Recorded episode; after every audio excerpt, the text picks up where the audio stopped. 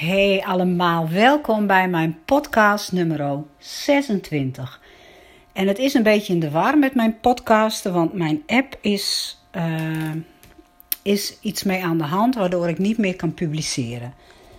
Ik ben al druk uh, bezig daarmee om uit te zoeken hoe dat nu precies zit. Ik heb al vriendinnen gebeld, collega's gebeld. Niemand komt er echt uit. Dus ik heb nu de Anchor Helpdesk geraadpleegd en die komen er ook niet echt uit. Dus ik weet ook even niet hoe, hoe het verder zal gaan. Maar ik neem nu wel vast op mijn voice recorder op mijn telefoon een, een podcast op. Want ik wil gewoon in die flow blijven van podcasten. Nou, je kunt je voorstellen dat ik uh, best wel veel, of veel, maar ik had er wel wat stress van dat het niet ging zoals ik wilde dat het ging. En toen dacht ik, gisteren, nou, ik laat het los en uh, ik zie wel wanneer het weer hersteld wordt. En daarvoor had ik een focusoefening met mezelf gedaan en had ik als behoefte bij het gevoel van frustratie ondersteuning. Dus dat mijn lichaam eigenlijk zei: Het is belangrijk dat je sneller ondersteuning vraagt. Want ik ben er echt wel 6, 7, 8 uren mee bezig geweest. En dat is natuurlijk een hele dag. En als ik nu een uur met mezelf afspreek, ik ga een uur proberen om het uit te zoeken en het lukt dan niet, dan schakel ik hulp in. Nou, dan, dan, dan, dan heb je in die andere zeven uur heb je tijd om iets anders leuks of constructiefs te doen. Dus ik heb het nu losgelaten en ik wacht uh, de helpdesk af. Ik heb al twee keer contact met hen gehad en er is al iets uh, veranderd, maar nu wacht ik nog af hoe ik alles weer zo krijg dat het weer werkt. Nou, vandaag gaat de podcast dus over uh, zorg voor jezelf. Zorgen voor mezelf heeft mij gebracht dat ik veel meer ruimte en vrije tijd heb gekregen. Dat ik elke maand een weekje op mezelf ga, dus dan huur ik een huisje of ik pas op een huis. Je hebt zo'n oppas-site www.oppassen.nl volgens mij. Daar betaal je dan 10 euro voor. En oppasadressen. Ik zal jou huizenoppasssite.nl. Nou, daar kun je voor een tientje lid van worden. En dan krijg je elke dag krijg je door welke huizen, welke mensen oppas zoeken voor hun huis. Nou, ik heb uh, inmiddels in februari twee weken een huis en pas ik wel op twee honden. Dat is niet altijd zo.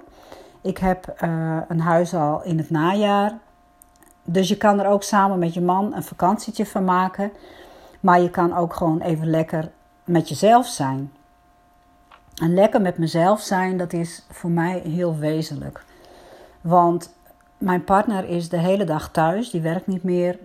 En uh, ik heb dus het huis praktisch nooit voor mezelf. Dus ik zit veel boven te werken. Maar ik vind het ook heerlijk om ja, het huis wel voor mezelf te hebben. En nou, hij gaat dan af en toe wel, wel iets doen, maar. Um, nou ja, ik, ik heb wel meer ruimte nodig. Dus ik, ik heb dit zo met hem afgesproken. Van nou, voor mij werkt het om elke maand een weekje helemaal voor mezelf te hebben. En nou, als ik dat aan mensen vertel, zeggen ze elke maand een week. Wow. En het is ook wow. En ik heb nu bedacht dat ik last minutes ga boeken, want dat scheelt echt 100 euro. Dus je kunt voor 150 euro kun je echt zeven nachten in een leuk huis uh, bivakeren. En dat doe ik eigenlijk nog liever, denk ik, dan oppassen. Oppassen heb ik nog niet gedaan. Want ja, dan heb ik ook geen honden waar ik mee uh, naar buiten moet. Hoewel ik wandelen toch ook wel heel leuk vind en dat ook altijd doe. Maar dan ben je helemaal vrij. Dus misschien een tip voor jou. En of vind je dat natuurlijk heel veel, dan kun je eerst ook eens beginnen met een weekendje en anders kijken hoe dat voor je is. Zo ben ik ook begonnen. Nou, ik denk zo'n. Toen ik 27 was, ben ik daarmee begonnen. Dat ik af en toe een paar dagen wegging.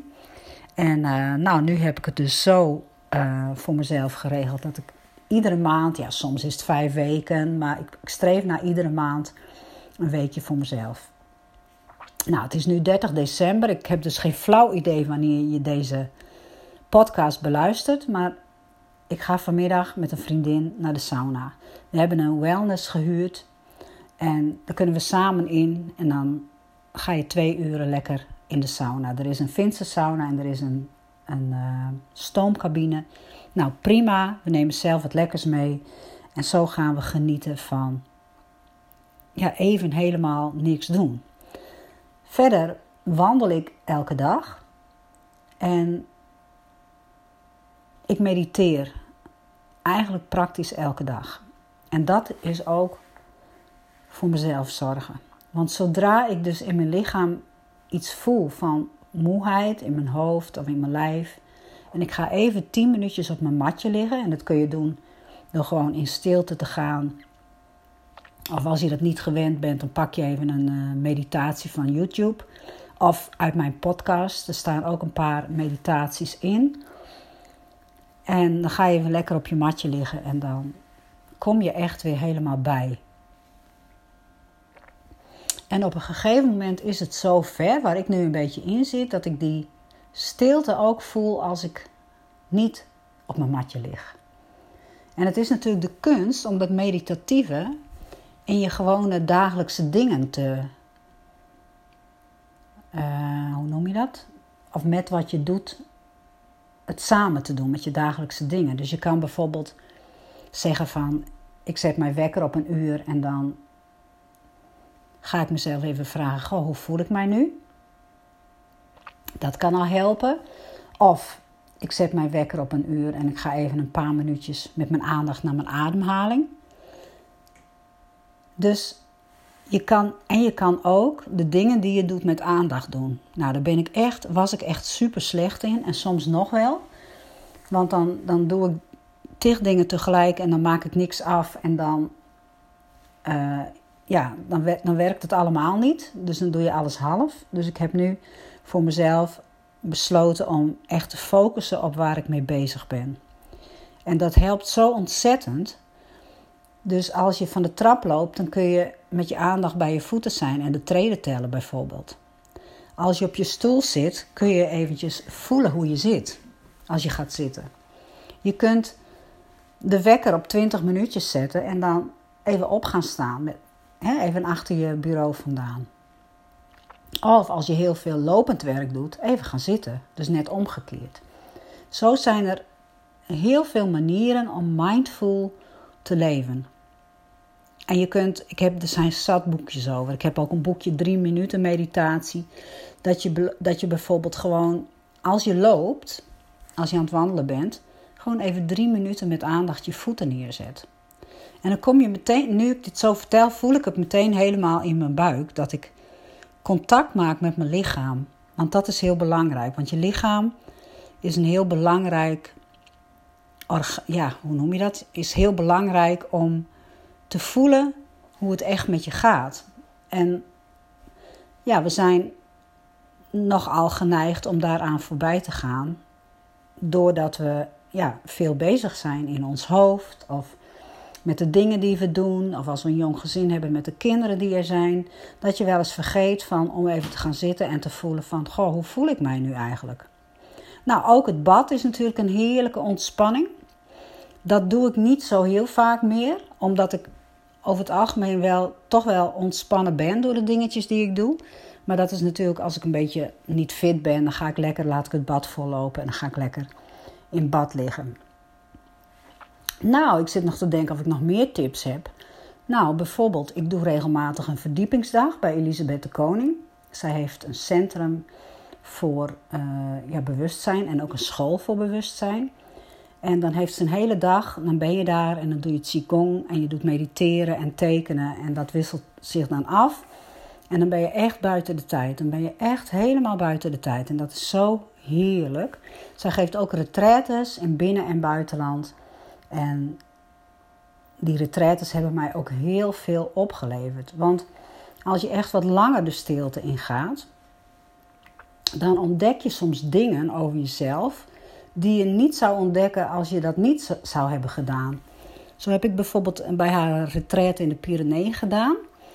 En het was echt nou ook fantastisch weer en er waren een leuke groep mensen. En toen ontdekte ik hoe een bepaalde vriendschap, wat een bepaalde vriendschap mij kostte aan energie. En ja, dat was een vriendschap. Het is al een hele tijd geleden, waarbij de vriendin die ik toen had, niet in een hele goede relatie zat met haar man. En iedere keer ging ik daarheen en vertelde zij daarover. En ik luisterde. En toen was ik op een bepaald moment ziek en toen bleef ze ook bellen. En toen dacht ik van ja, ik hou dit niet vol. En toen ben ik naar haar toe gegaan en toen heb ik gezegd: ehm, Zullen we je mannen even bijhalen? Want het voelt voor mij niet meer oké om het steeds maar over hem te hebben en het niet met hemzelf te bespreken. En toen zei ze: Ja, maar jij bent toch mijn vriendin? En toen dacht ik: Ja, maar ik ben mijn eigen allerbeste vriendin. En het klopt voor mij niet meer. Dus wees je ervan bewust of datgene wat je doet ook klopt voor jezelf. Ook al is het misschien goed voor de ander. Dus ik zei, nou ja, ik zou het toch wel heel fijn vinden. Nou, zij wilde dat niet. En toen, na die week retraite, ontdekte ik, ja, ik moet gewoon deze vriendschap beëindigen. Of in ieder geval voorlopig beëindigen. En ik heb dat, haar toen een brief geschreven, want ik was toen te ziek om, uh, om dat aan te gaan. En achteraf denk ik, had ik dat beter wel kunnen doen. Wat nog beter was geweest, is dat ik veel eerder mijn grens had aangegeven. Dus dat zou ik je ook willen adviseren. Dan was die vriendschap misschien helemaal niet afgebroken, dat weet ik niet. Maar grenzen aangeven was voor mij toen best heel lastig. Dus dan heb ik haar een brief geschreven en toen heb ik die vriendschap op die manier beëindigd. En niet voor altijd, maar in ieder geval voor tijdelijk, omdat ik echt rust nodig had. Want soms kwam ik daar vandaan en had ik allemaal eczeem op mijn, boven mijn wenkbrauwen. En dan zei, zei mijn zoontje, die was toen nou negen of tien, hij zei: Mam, je bent allergisch voor haar. En toen dacht ik: Jeetje, zou dat echt zo zijn? Maar enfin, ik heb die vriendschap dus beëindigd na die retraite.